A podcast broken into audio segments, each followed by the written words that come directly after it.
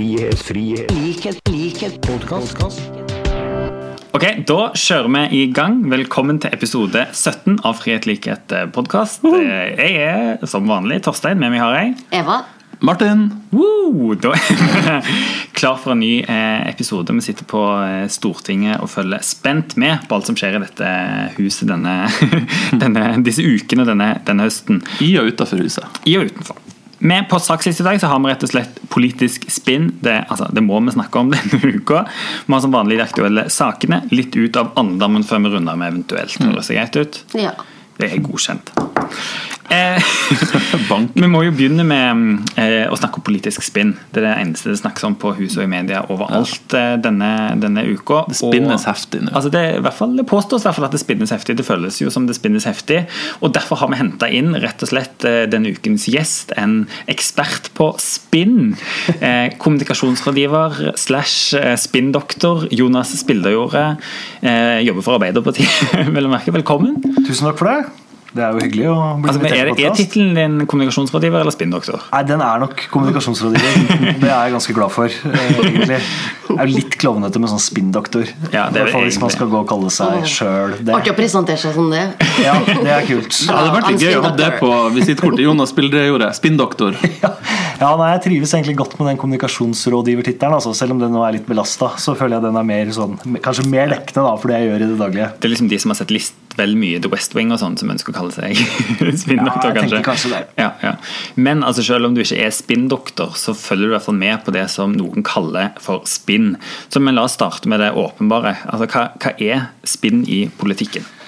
Nei, altså spinn, det, Jeg tenker at det blir brukt på veldig mye som kanskje egentlig ikke er det. At veldig mye av det som er ordinær politisk kommunikasjon, ofte blir kalt spinn. Um, for vi driver med mye her på huset som er ja, vanlig kommunikasjon. da. Vi, dere går i debatter, og vi hjelper til å forberede dem. Vi skriver leserinnlegg, vi jobber med politiske saker og prøver å Det- få dem ut på Det er jo ikke sikkert alle tror det, men Arbeiderpartiet har en kommunikasjonsstrategi. Ja, det har vi. Eh, det har vi, og den prøver vi å følge så Ja, ja. vi kan. Og nå er det jo litt sånn her Hold kjeft, ikke si noe om. Ja, nå er det litt spesielt. Men det som er spinn, det tenker jeg er de, eh, de gangene der man mer eller mindre bevisst prøver å forme offentlighetens bilde av en sak da, på en gitt måte. Hvor det er flere ulike måter å se saken på og forstå saken på. Og hvor, hvor vi som parti har en interesse av at den skal forstås på en viss måte. Og da gjør man vel kanskje det som kan kalles å spinne. Forsøke å få både journalister og opinionsdannere og velgere da, med på vår forståelse av en sak, vår, vårt perspektiv på en sak. Så det er ikke så veldig skummelt, egentlig. Det er, eh, det er jo det man alltid gjør hvis man diskuterer en sak eller prøver å overbevise noen. Um, Men der kan det nok være noe av det man kaller spinn. da. Og det ligger jo egentlig i naturen til politikken. ikke sant? Hvis du har et eh, synspunkt eller et standpunkt, så prøver en å jobbe for at det er både flertall for det, og folk forstår det på samme måten som oss. Eller mye av det man snakker, når man snakker om spinn, er jo egentlig Jeg vet ikke hva det gode norske ordet for det er, liksom framing. Men så få satt det inn i en sammenheng. Hva? Frame Framing. et godt norsk ja. ord. Godt, Ja, jeg, jeg, jeg, jeg, jeg, vet ikke hva det gode norske ordet for det er. Altså, om du setter det inn i en sammenheng som gjør at liksom, folk lettere forstår det, får uh, oppslutning rundt det. Sett inn sånn, en ramme, Martin. ja, ja, men for eksempel da, Et godt eksempel er jo når republikanerne i USA begynte å kalle arveskatten for death tax. Hvem er for en skatt på død? Det, Det har jo Frp forsøkt her i Norge å snakke om dødsskatten. ja, ble litt Den har det. Ja. Men hva tenker du, Jonas, i forhold til at sosiale medier har jo blitt Det tar jo veldig av der.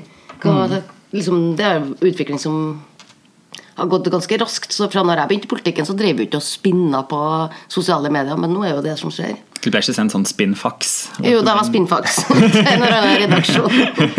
Nei, det er jo en arena for det, det. da. Eh, Og det, er jo noe med, det har jo også noe med tempoet i, i mediehverdagen og medieutviklinga generelt også. At en sak kontinuerlig endrer karakter eller endrer på en måte farge gjennom et helt døgn.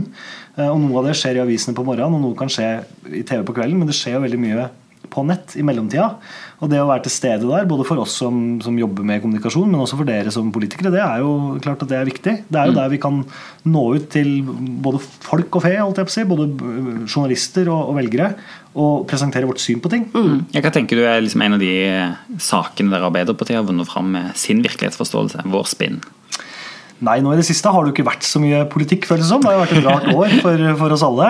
Eh, men jeg har jo tenkt på det noen runder når vi har diskutert f.eks. For formuesskatt. Så har det jo, syns jeg vi ofte har nådd gjennom med vårt budskap, og som sant er, at, at det, handler om, det handler om å gi en skattelette til noen av de som har aller mest fra før. Eh, og at vi ofte har, har nådd gjennom da, med den, med den fortellinga. Så høres det dumt ut å kalle det en fortelling, for det er jo ikke det. Det er jo, det er jo sant. Det er bare at det finnes andre måter å forstå virkeligheten og sannheten på også.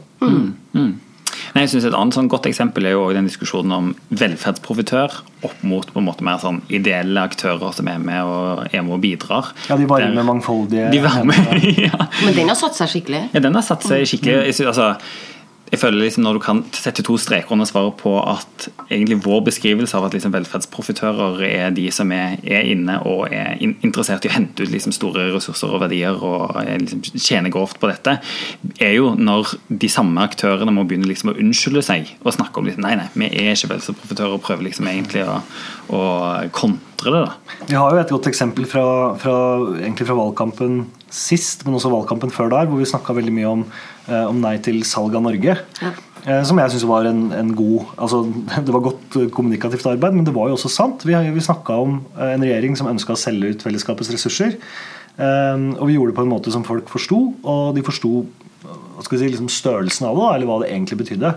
Eh, og Der var det jo på en måte et slags spinn. fordi det er klart Høyresida ville jo ikke være enig i at det de foreslo var å selge ut Norge. Eh, Men mange var jo enige med oss i at det var det de gjorde. Eh, Der hjelper jo kommunikasjon til med å få frem skillelinjene i en politisk sak. Ja, men Det kan jo være litt sånn bra også, tenker jeg, for mange velgere. faktisk. At vi kan hjelpe dem å se litt skillene, og da må man av og til bruke litt store ord. Ja, altså Spinn er ikke alltid negativt. Det trenger ikke å være så skummelt og så lyssky. Det handler egentlig om å, om å få frem skillelinjene i politikken og bruke, bruke ord og språk og politiske argumenter til å gjøre det, da, men på en måte som forhåpentligvis funker. Men da er det jo da sånn at hvis ett parti driver og spinner sin virkelighetsforståelse, så må jo vi eventuelt kontre med motspinn. Og hva blir på en måte det, da? Ja, da blir det jo blir det veldig mye spinn. Det blir litt sånn Inception-aktig. da, Spinn i spinnet. Men vi har jo, jeg og du, Torstein, har jo vært borti det her før. Og vi hadde jo en runde for et par år siden eh, hvor vi møtte veldig mange beskyldninger fra Høyre om at vi drev skitten valgkamp. Hver gang vi var ute og, og kritiserte Høyre, eller sa noe om Høyre, eh, så svarte Høyre at nei, nå, nå er Arbeiderpartiet i gang med skitten valgkamp igjen. Eh, og det var tidenes skitneste valgkamp et år, og det var det året etter også. Hele den pakka der. Eh, Og det fikk vi jo på en måte snudd ved å samle det opp. Eh, Det gjorde vi jo litt sammen der. Samla opp alle gangene Høyre hadde sagt det, og det viste seg at de hadde beskyldt oss for å drive historiens skitneste valgkamp hvert eneste år Ja. i ti år, eller hva det var. Ja, den var åtte år. Det, var jo, det tenker jeg var jo en sånn Ikke si at det var et viktig politisk arbeid, akkurat, for det var det jo på ingen måte, men det var jo litt viktig for oss som parti å slippe å møte den beskyldninga hver eneste gang, og heller kunne vise til at hei, det her er jo bare en strategi fra dere. Det her sier dere hver eneste gang. Eh, Dere mener det egentlig ikke, det er bare en strategi. Og etter det slutta Høyre å si at vi drev tidenes skitneste valgkamp hver eneste gang det var noe. For det er sånn forskjell på å fremstille at Arbeiderpartiet er uredelig og skitten og bare svartmaler, ikke sant? Ja. Ja, det er jo litt det samme sånn- som de har prøvd med å lykkes en del med, da, med Jonas og Tåkefyrste og sånt òg, som jeg følte var et bilde som snudde litt, når vi òg fikk liksom avslørt at det var en strategi. Det var vel Aftenposten som skrev litt om det òg, litt, sånn, eh, litt uti det der.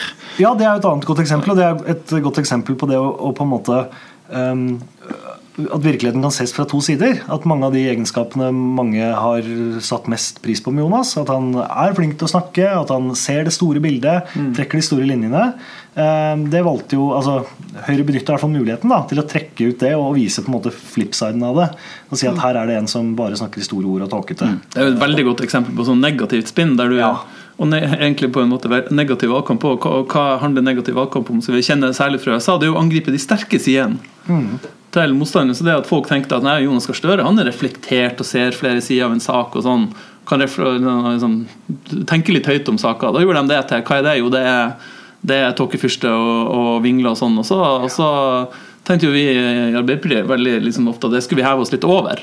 Mm. Men så satte det seg. Så eh, har jo liksom det spredd seg til at Høyre og Frp får bruke det veldig bevisst. Ja. Det er jo også et eksempel på at du liksom, personifiserer det politiske istedenfor å snakke om sakene. Det ligger jo litt det samme i noe av omtalen av Erna Solberg også. Det har fått, vi, altså vi har ikke vært så, så ivrige som Høyre på å karakterisere henne med et begrep. ikke sant? Men, men eh, jeg ser jo at mange fra høyresida de, de liker jo å snakke om, om Erna Solberg som sant, pragmatisk, rolig, takler konflikter med lave skuldre. Flegmatisk er et sånt ord som har sniket seg inn både i podkaster og kommentarer. Eh, jeg tror ikke det er helt tilfeldig.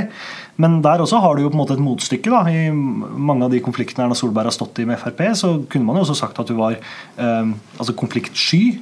Ikke konfliktdempende, men konfliktsky og litt feig. Eh, og nesten litt sånn ikke akkurat lat, men at hun ja, ikke vil gå inn i de her konfliktene.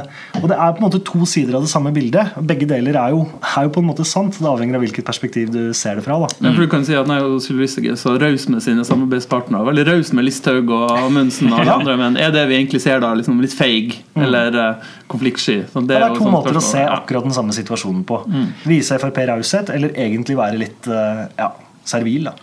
Men ja, som du sier, Jonas, dette er jo kampen om virkelighetsforståelsen. Men fins det da dårlig spinn?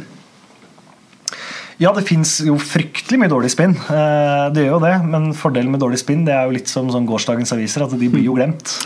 ja.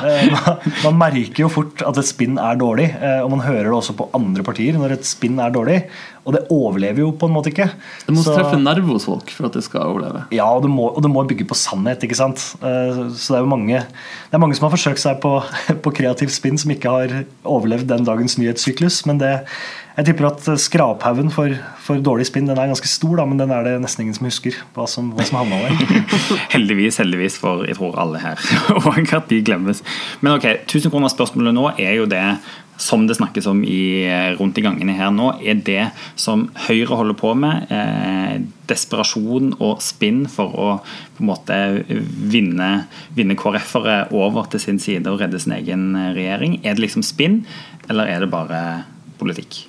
Jeg må innrømme at jeg har tenkt at nå driver de og spinner litt sånn bevisst for å påvirke de KrF-erne som skal på det landsmøtet. Eh, og at eh, liksom, jeg syns sosiale medier flommer over det. Jeg kjenner at jeg blir litt lei, men jeg, jeg er tilhører jo den gjengen som blir litt fort lei, da. Eh, Det handler jo litt om hva venner man har òg, da. Ja, ikke sant? Har så mye politiske nerder som venner, så det flommer jo over. Eh, Så jeg har jo tenkt litt det, men det er jo ikke sikkert at det stemmer min oppfatning av det.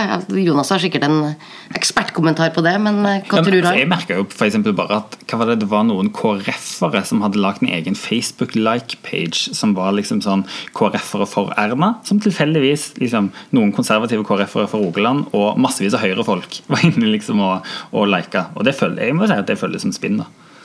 Jeg tror det er en Det foregår selvfølgelig en kamp der nå. Eh, og jeg tror nok Høyre altså Det er jo ingen tvil om at Høyre eh, prøver å vinne KrF over til sin side. Det skulle jo bare mangle. Det er jo Ja, det ville vært oppgaven ikke sant? Men jeg oppfatter egentlig mye av det som kommer fra Høyre nå, som, som mer hva skal vi si, mer ektefølt. Ekte følelser, ekte frustrasjon og sinne og skuffelse over Knut Arild Hareides tale enn egentlig et sånn velfundert strategisk spinn. Eh, Jeg syns det virker litt som om de opererer mer på følelser nå da, enn på, på kjølig strategi. og det, Høyre jo, jeg synes Høyre ofte har vært flinke til å holde seg til en linje og, øh, og holde seg til talepunktene sine og spinnet sitt, men nå er jeg ikke helt sikker på om det er det som skjer. altså. Nei. Og Sist nå det intervjuet med Erna i, i, øh, i Dagens Næringsliv, som jeg ser Høyre-folk nå ja, Der spinnes det litt da, på Twitter nå for å forklare alle hva hun egentlig mente i det intervjuet. Og det er jo sjelden et godt tegn på at man har Ja, for hun sa- men- altså det mener jeg altså, Jeg mener Høyre både spinn nå, men òg at det er veldig ektefølt. Altså, det rant jo, jeg tror det rant litt over fra Erna, den uh, artikkelen i intervjuet med Dagens Næringsliv. Hun sa jo at Knut Arild Hareide setter hele det tilliten til det politiske systemet i spill. Uh, at det var Udemokratisk. Ja, det var udemokratisk. Har et maktbehov. Ja, Knut Arild Hareide har et, Ja. har et maktbehov. Og den har satt seg. Den har satt seg. Mm. Og det mener jeg Men det er jo en, en del altså Det er klart at begge sider i politikken og begge sidene i KrF har jo et ønske om å framstille det her på en viss måte. Det, er ikke, det er jo ikke tilfeldig at høyrefolk nå er veldig ivrige på å trekke fram for det første Erna som statsminister, at det er liksom et valg om Erna eller ikke. Eh, eh, sånn at du, må bevare Erna. På den andre sida må man da velge, eventuelt velge SV. At det er valget. Det er veldig få av dem som nevner at Frp er en faktor inni det her for, for veldig mange. Og som man også lovte å ikke sitte i regjering med. meningsmåling i Nettavisen i dag som Ja. viste at KrF-velgerne var mer redd for Frp i Ja. regjering enn SV. 26% var redd for SV, og resten var redd for Frp. Men så mener det Erna-intervjuet er et godt eksempel på om man kaller det spinn, eller, eller hva man velger å kalle det. Når hun, for eksempel når hun sier da at nei, det her viser at Knut Arild har, har et sånn maktbehov, så er jo det hennes veldig subjektive oppfatning av virkeligheten. For eh, sannheten er jo den at KrF kan få makt uansett. Ja, De kommer i regjering uansett om det velger høyre- eller venstresida. Så det er jo Erna er opptatt av, det er jo at han, hun mener at han Knut Arild Hareide velger feil type makt. Nemlig ikke sammen med henne. Eh, og da, fører det, da er det maktbehov, men sånn, det å velge da Erna Solbergs regjering, det vil jo være fornuftig. å, mm. å fortsette samarbeidet de har hatt i fem år, osv. Altså, I det ligger det jo et slags vi skal kalle det da, et slags spinn. For du prøver jo å vise at Hareide nå, nå er opptatt av makt. Men det, det stemmer jo ikke helt med virkeligheten, fordi han kunne jo fått makt hver eneste dag de siste fem åra. Mm. ifølge Erna har jo døra stått åpen inn. ikke sant? Eh, Så det er jo en måte å prøve å diskreditere hans eh, valg på nå, da. Som ikke helt eh, resonnerer med virkeligheten, spør du meg. Så skal ikke vi glemme sannheten at hun driver jo faktisk og klamrer seg til kontoret sitt nå. For det er jo et være og ikke være for Solberg-regjeringa, så man kan jo forstå at de blir litt desperate og kanskje går litt langt også. Ja. Jeg hadde vært fortvila jeg òg hvis vi hadde vært i regjering og plutselig så ser du at det parlamentariske grunnlaget kanskje bare forsvinner foran øynene på deg. Mm. Ja, Isolasjonen den er forståelig, den. Er det, men jeg skal gi deg rett i, Jonas, det at det er en sånn, det er en sånn desperasjon. og det, Jeg synes jeg har merka det av Høyre-folk som vanligvis har vært liksom flinke og strategiske og veldig smarte i forskjellige sånn veivalg hvor de snakker om ting. Nå er litt mer sånn eh, følelsesstyrt. altså En ting var Erna, men du kunne til og med se det i liksom Kåre Willoch sitt sånn intervju som plutselig liksom og tok helt av. Det var vel i VG eh, i helga liksom, og begynte med litt sånn krassere karakteristikker. eh, når alt kom til. To uker igjen da med det her. Det skal bli spennende. Ja, jeg er glad til det er over, for det påvirker hverdagen til alle på Stortinget og i det politiske livet. Fordi at ting stopper litt opp i forhold til saksbehandlinga og alt mulig. Fordi at KrF ikke Når skal vi få et statsbudsjett? Hvilken side skal man gå til? Så, Ja, jeg, jeg så at uh, Ole. Bollestad nå hadde sagt uh, ja takk, begge deler. Både sagt at de skulle behandle de sakene som lå til behandling ut ifra KrF sin politikk, men òg sagt at de ikke kom til å stemme for annet enn KrF sin politikk i påvente av og retningsvalget. Så det er jo ikke tvil om at eh, en del kommer til å stoppe opp her på huset, sånn, eller bli litt utsatt, da, om ikke annet. ja, litt, kanskje litt forsinkelser, men samtidig det er noe tidlig i stortingssesjonen i forhold til de sakene som skal behandles, så det skal vi nok klare, tenker jeg. Nei, og jeg merker jo også bare denne uka i forhold til forrige uke, det er mer temperatur i, i debatten. Jeg er jo spent på å se om det da neste uke på en måte bare kommer til å fortsette å bli enda høyere temperatur, eller om det kommer til å roe seg.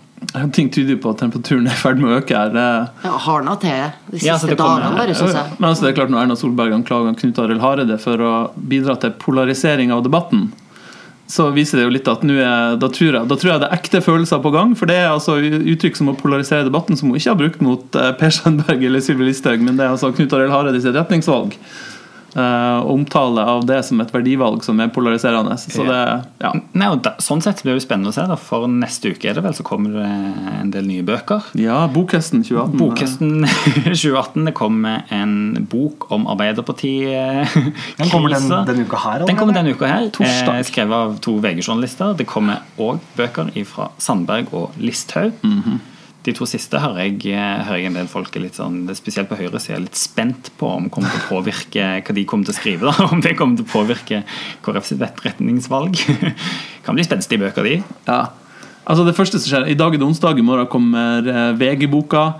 Og bare for å si det sånn, Da jeg hørte i i vår en gang at eh, sånn, Lars Joakim og Marie VG skal skrive bok om om Arbeiderpartiet og metoo, da ble jeg litt sånn nervøs. Hva kommer nå? Men jeg må innrømme at jeg er litt sånn der Jeg klarer ikke helt å se for meg hva de skal dra fram av nye, sjokkerende opplysninger. Det kan hende det kommer noe. Det kan hende det er en mailutveksling som, som har vært som de Som drar ikke har vært i VG fra før. Som ikke har vært i VG fra før. Det var Eh, ikke det vi lærte i vår. Skal aldri si aldri. Kan Altså, det ja, være? nett- nettopp. Skal, skal, aldri, skal aldri si aldri. Men altså, at det blir, jeg tror det er mye reprise på det som har skjedd. Jeg tror det kommer til å bli litt sånn overdrivelser av interne prosesser eh, i Arbeiderpartiet. Men min følelse er at jeg tror nok at de fleste av oss kanskje møter den boka med litt sånn skuldertrekk. Altså, hva mer, hva mer kan det komme? Jeg tror veldig mange i Arbeiderpartiet føler seg veldig er ferdig med den prosessen. Ja, litt ferdig eh, med den dårlige tida og folk har lyst til å ta tak i det politiske arbeidet. Og, men du skal aldri så aldri. Ei sånn bok eh, kan lage støy, men eh, jeg er litt sånn avslappa, kjenner jeg. Ja. Men, kanskje, men skal du heller kjøpe Per Sandbergs bok sure, eller Sylvi. Listhaugs bok og ha det under juletreet til mannen din? Altså, jeg, mener, jeg trodde det bokomslaget når det begynte å florere på Twitter, var en spøk. Ja. Det er så bra. Altså, det er, Undertittelen er 'Fremmede makter har flytta inn'. Jeg tror det er, det er tittelen. 'Fremmede makter har flyttet inn', og så er undertittelen 'Et justismord og et politisk drap'. Ja, Justismord og politisk drap. Åh, nei, den gleder jeg meg til. Så den blir, eh, ja, den blir nok spennende. Men det er noen som, altså, hva er det Listhaug skal skrive om? Jeg tror Listhaug skal skrive litt om alt. At Ja. det er hennes eh, Hun har fått god tid etter å ha gått ut av regjering og skal på en måte skrive sitt eh, Det er vel et slags, en slags søknad om å overta som partileder en gang. Tror du ikke det? Det er hennes, eh, hennes historie. Det er det. Eh, og det var den heter 'Tørr Tørr der andre tier. Ja. Altså, Tittelen burde egentlig være 'Snakker, og så er andre uenige med deg'. Det er jo det som er sannheten. Det er jo ikke sånn at hun tier om temaet ingen andre snakker om. Nei, at hun snakker om ingen andre eh, tør å snakke om, mener jeg. Eh, Det er jo det. Men det, er jo, det har vært litt sånn morsomme lekkasjer. Det er liksom litt vanskelig å få grep om egentlig hva den boka handler om i stort. Det, det kommer nok til å handle Nei, unnskyld, Anders. Du har ikke, ikke mot Listhaug. Allergisk, allergisk mot Listhaug-skriverier. Altså, det, kommer, det de lekkasjene som har vært fra den Listhaug-boka. Det, det kommer til å være masse om innvandring, men det er jo altså, det ene lekkasjen er at hun mener at vi nordmenn da er utakknemlige og flau på vegne av Norge. Og, og så skriver hun at uh, det som sto tror jeg var i Nettavisen sånn at eh, mye av det har med å gjøre med skolevesenet og oppdragelsen. At vi, får hørt, vi, får ofte, vi fikk høre i oppdragelsen under middagen at nei, spis opp middagen din fordi det er fattige barn i Afrika som sulter. Men det må vi liksom slutte med. Og så tenker jeg sånn her, er det, For det første er det, er det dårlig gjort å ha empati med andre. Og for det andre, altså jeg trodde Silje Listhaug visste det som småbarnsmor, at du tar i bruk alle triks for å få de barna til å spise. Ja. Det er liksom veldig rart. Men det blir, det blir, hennes, det blir hennes historie. Og jeg bare jeg ser det på de sitatene som kommer. Det er nesten, jeg syns nesten det ser ut som det er designa for å skulle provosere og bli kontroversielt og sette seg i midten av debatten. Og antageligvis ikke et frieri til Knut Arild Hareide. Nei, jeg tror kanskje ikke det. Nei. Det er spennende å følge med. Mye bøker å kjøpe eller låne på biblioteket, da. Hvis en heller, heller vil det utover høsten. Frihet, frihet, likhet, likhet, Podcast. Ok, folkens, Vi må jo snakke litt eh, politikk òg, og andre politiske saker enn enn, eh, KrF. Eh, og da har jeg lyst til å begynne med den store saken som var i Klassekampen i, i Alle saker er store i. Klassekampen. ja, det er sant. Den store lørdagssaken, og det er stor i antall, eh, antall sider. Eh, Seks-sju sider. Ja, ikke sant? Ja, men, og den handler om koseklubben i ungdomspartiene. Så rett og slett en sak om at ungdomspartilederne drar på mye turer sammen, går på masse fester sammen, er veldig gode venner og rett og slett koser seg. For mye. Koser seg altfor mye. Alt sammen. ja, virkelig. Det virker Ja. sånn. Ja. Og så er jo spørsmålet egentlig da, om det er, altså er dette egentlig bare sånn at Klassekampen, som er avis på venstresida, eh, reagerer på at det er jo spesielt eh, høyrepartiene da, som koser seg ekstra mest? Er det, Koser seg mest sammen. ja, er det det? Er det sånn Altså For det første så må vi kanskje si hva den uh, saken handler om. så, nemlig at de har gått gjennom alle uh, ungdomspartiledere, intervjua dem, intervjua tidligere ungdomspartiledere. Og hele premisset for saken er at det, er for, Jeg skjønner ikke helt hvorfor, da, men at det, det er for, sånn, for mye samkvem mellom de her uh, ungdomspartilederne. De drikker øl sammen, drar på turer eh, sammen og gir hverandre en klem etter skoledebatter. Var det noen som hadde reagert på også. Og da er det liksom et problem for norsk politikk, for det skal være interessekamp, det skal være harde fronter. Eh, forskjellene skal synes. Ja, så tror jeg også litt det der at flere av de ungdomspartilederne blir enige om et politisk standpunkt som også kanskje kan bryte litt med moderpartiene. Eh, at, at de kritiserer det også lite grann. Eh, Men jeg opplever jo litt sånn Jeg har jo vært leder i AUF, og det har jo du òg vært, Martin. at eh, Jeg vet ikke hvordan det var når du var, det var ikke så lenge etter meg. men vi hadde jo en god relasjon til de andre Ja. eh, ungdomspartilederne, men det var ikke sånn at vi dro på tur og at det var sånn fast øldrikking. Så jeg føler at de er mye tettere nå. Eh, Så det har jo Klassekampen rett i, men om det er negativt eller positivt, det er noen annen ting. Ja, For jeg tror, jeg tenker liksom sånn at en kan godt gjøre narr av at den saken i Klassekampen på en måte at det sto noe om klemming og den type ting, at, og at en drikker øl. Det tenker jeg er helt naturlig. og det er helt, eh, altså Jeg har ingenting imot at en mm. drikker øl på med liksom andre folk enn de som en er liksom enig med eh, politisk. Det, altså, det er jo jo vi òg. Sitter nede på Eilif, ser ut forbi Stortinget Ja. og drikker en øl. Det er både Frp-er og Senterpartifolk og, og partifolk der, så det er ikke problemet. Men det som jeg har merka meg veldig, er jo at det er mye mer press fra interesseorganisasjoner Mm. mot ungdomspartiene spesielt, men òg altså, også mot oss unge som sitter på Stortinget, da, som får veldig mye invitasjoner. Dere unge? Pennaten den din, ja. Men eh, fra interesser Hvordan er altså, det egentlig å være sånn ung på Ja, Stortinget? det ja, lurer nei, jeg altså, jeg får mye mail. Jeg Ja, kan sende ja, de du videre til dere mye, neste gang. får en. Nei, men Det er jo eksempel, altså, Norsk olje og gass, Ja. det er Norsk Industri Det, det er flere sånne. Ja. Liksom, det blir invitert på turer. Nettverkstreff, som en kaller det, for å møte liksom, unge folk i bransjen. og sånt. Da. Og det, det, det er liksom 99 sikker på at det har blitt veldig mye mer av. da. Det tror Jeg nok. Altså, jeg ble invitert på en del sånne turer da jeg var uh, AF-leder. Så var jeg fram til 2010. Eh, jeg syns sånne turer var, var interessant. Og jeg må innrømme at jeg synes det var også veldig interessant å da få sjansen til å være sammen med de andre ungdomspartilederne. Det kan godt hende at det har blitt mer av det. Eh, men jeg synes det var interessant både fordi at vi da kunne diskutere og være uenige, og sånn, men også bli kjent med dem på litt annen måte og forstå hvorfor de tenkte som de tenkte. Det er bra sider ved det at ungdomspartilederne snakker sammen, og at partifolk politikere snakker sammen her på Stortinget, så da er vi på komitéturer sammen. Og jeg tror at en del av den røffe politiske tonen vi ser i andre politiske land, har vi ikke lyst til å importere til Norge. Og en av skal vi si, forutsetningene for at man snakker om hverandre med respekt, er at du forstår eh, bakgrunnen for at de andre velger som de gjør og har den politikken de har og uttaler seg på den måten de har. Og det at vi har et politisk system i, Norge der, vi, der vi kan være kollegaer utenfor stortingssalen, kjenne hverandre. Vi, altså vi vet jo når folk blir, får, har sykdom i familien, når de går gjennom tøffe tider. Ja, ja, ja. eh, og sånne ting, og det Å ha støtte i kollegaene sine er bra. Jeg tror det er det samme for ungdomspartilederne. Faren som Klassekampen trekker fram, det er jo at nei, det blir et sånn slags elitenettverk. Der man bare snakker med hverandre i liksom øverste politiske Men- klassen. Men, Men, da forutsetter man at man bare gjør det. Men de her folkene her, ungdomspartilederne, de, de møter sine egne medlemmer. De gjør alt Altså, men mulig annet annet det som jeg også. også må innrømme at jeg er litt kritisk til, er jo når de interessene som kommer inn og påvirker det politiske Ja. veldig. og Det er jo der egentlig den, det som jeg mener er rettmessig kritikken mot spesielt den Ja. Civita, høyresidekoseklubben. Ja. for Det er jo ikke tvil om at Kristin Clemet og de har jobba ganske iherdig for at eh, Det det. altså KrFU, og Unge Venstre, FPU og Unge Høyre skal være enige. Det er ofte de som står bak og tar initiativ til når det er sånne fellesutspill fra Mm. de eh, fire partiene. og sånt, og så har liksom Agenda da, på vår side eh, begynt å tenke liksom, oi shit, vi òg må følge med på det og invitere liksom, til, til lignende type greier. og prøve å se liksom, Men det er et ledd i den der stadig heftigere lobbyvirksomheten også, da. Mm. At man ser at ungdomspartilederne faktisk har en del makt innad i sine partier. Og du ser det bare med diskusjonene rundt KrF nå, hvor det er stor oppmerksomhet rundt ungdomspartiet.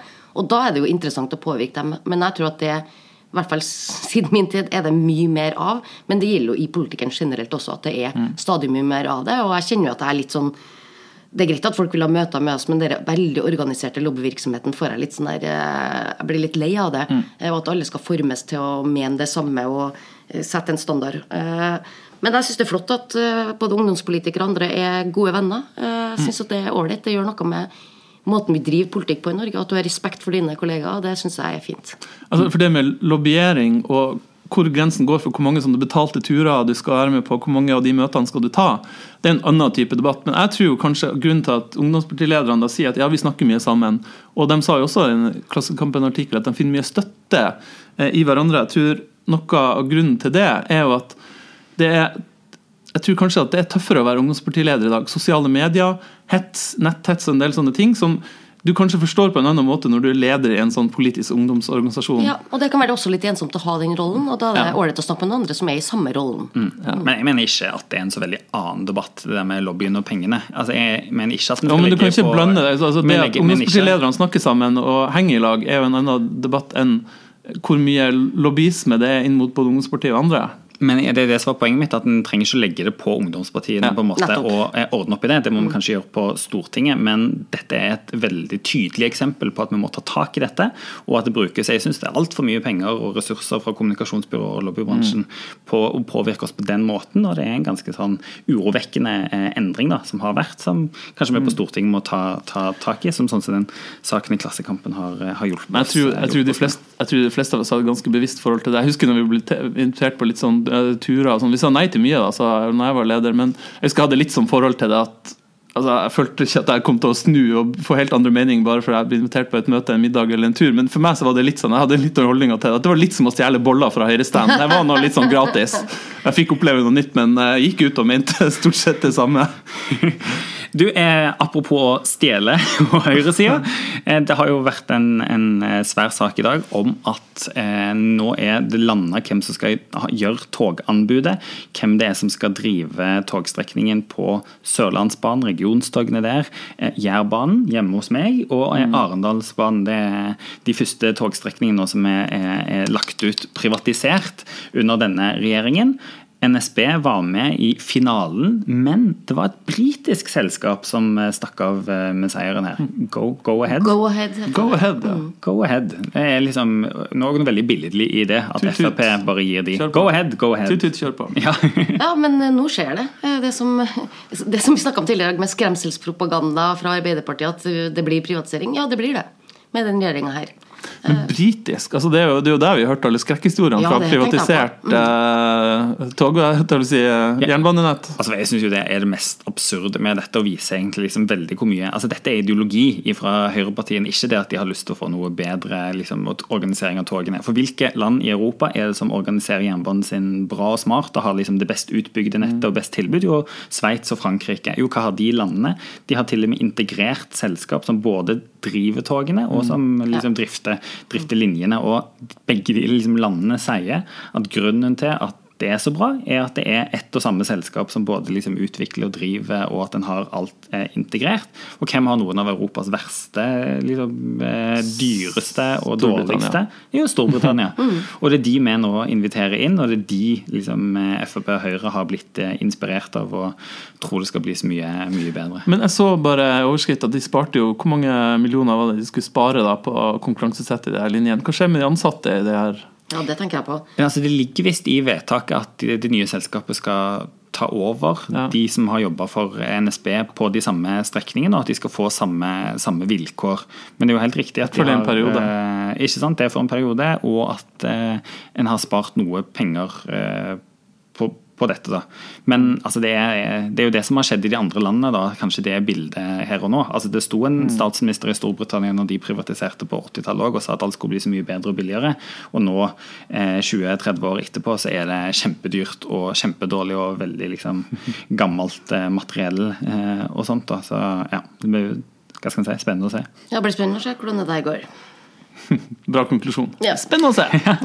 Spennende å se. Du, Og så må vi en liten tur ut av eh, andedammen i dag òg. Pling.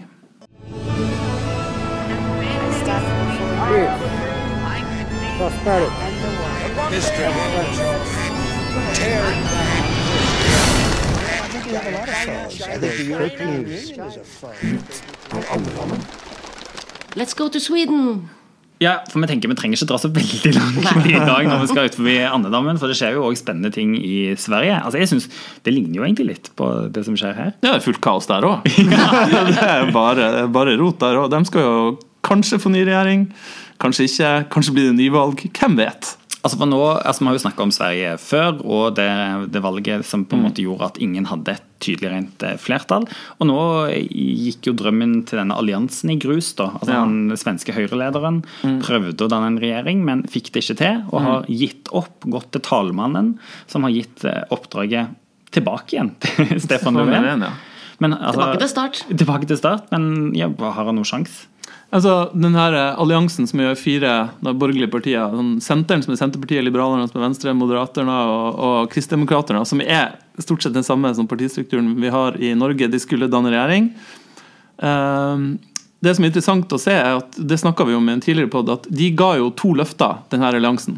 Det ene var at de skulle kaste den sosialdemokratiske regjeringa og ha en ny regjering med han Moderaterna-lederen Ulf Kristersson som statsminister. Og det andre løftet var at de ikke skulle samarbeide med Sverigedemokraterna, eh, det ytterste fløypartiet eh, langt til høyre. Eh, Og da må de jo bryte ett av de løftene for å kunne danne regjering. Og det som har skjedd nå, er at vel, Moderaterna de vil veldig gjerne danne regjering, men da sier Senteren og Liberalerne, i hvert fall Senteren, at nei, her må vi se på blokkoverskridende samarbeid fordi vi vil ikke samarbeide med Dette betyr jo egentlig at den alliansen har brøt litt sammen. For det De virker har- som ja. Moderaterne er jo, som vi spådde her i denne podden, at de er klar for å samarbeide med Sverigedemokraterna. De. De er det, sammen med Kristdemokraterna, da, for øvrig. Og det er jo litt interessant parallell til Norge, at der er det jo litt motsatt. Kristdemokraterna er åpne for å ha støtte fra. Altså, Sverigedemokraterna. liksom, de som sitter med Knut Arild Hareides posisjon i Sverige, er ikke Kristdemokraterna. Det er Senteren, Det er Senteren, og altså delvis Liberalerne. Ja. Og det Liberalene. som er ja. Ja, for nå er jo Stefan Löfven i samtale med Senteren og Liberalerne, og hun, eh, lederen av Senteren, og Annie Løf, hun har sagt at ja, vi kan samarbeide om ei regjering sammen med Sosialdemokratene, men da må det være flere av de her alliansepartiene som er med. Legg det som en forutsetning. Ja, og så har jo han lederen av Liberalerne, Jan Brøklund, sagt ja, kanskje det, men så møter han da motstand internt i sin egen riksdagsgruppe, som sier nei.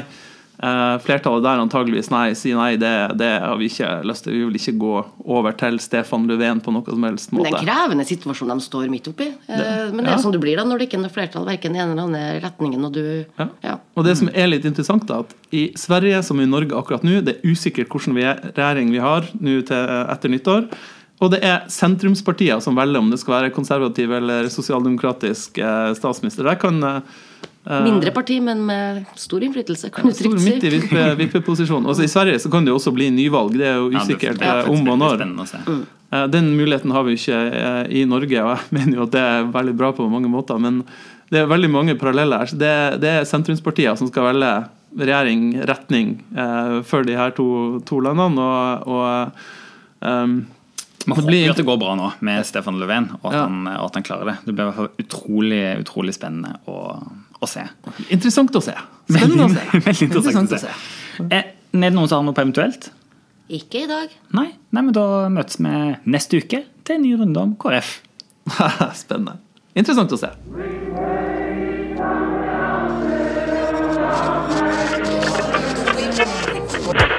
Frihet, frihet, likhet, likhet, podkast.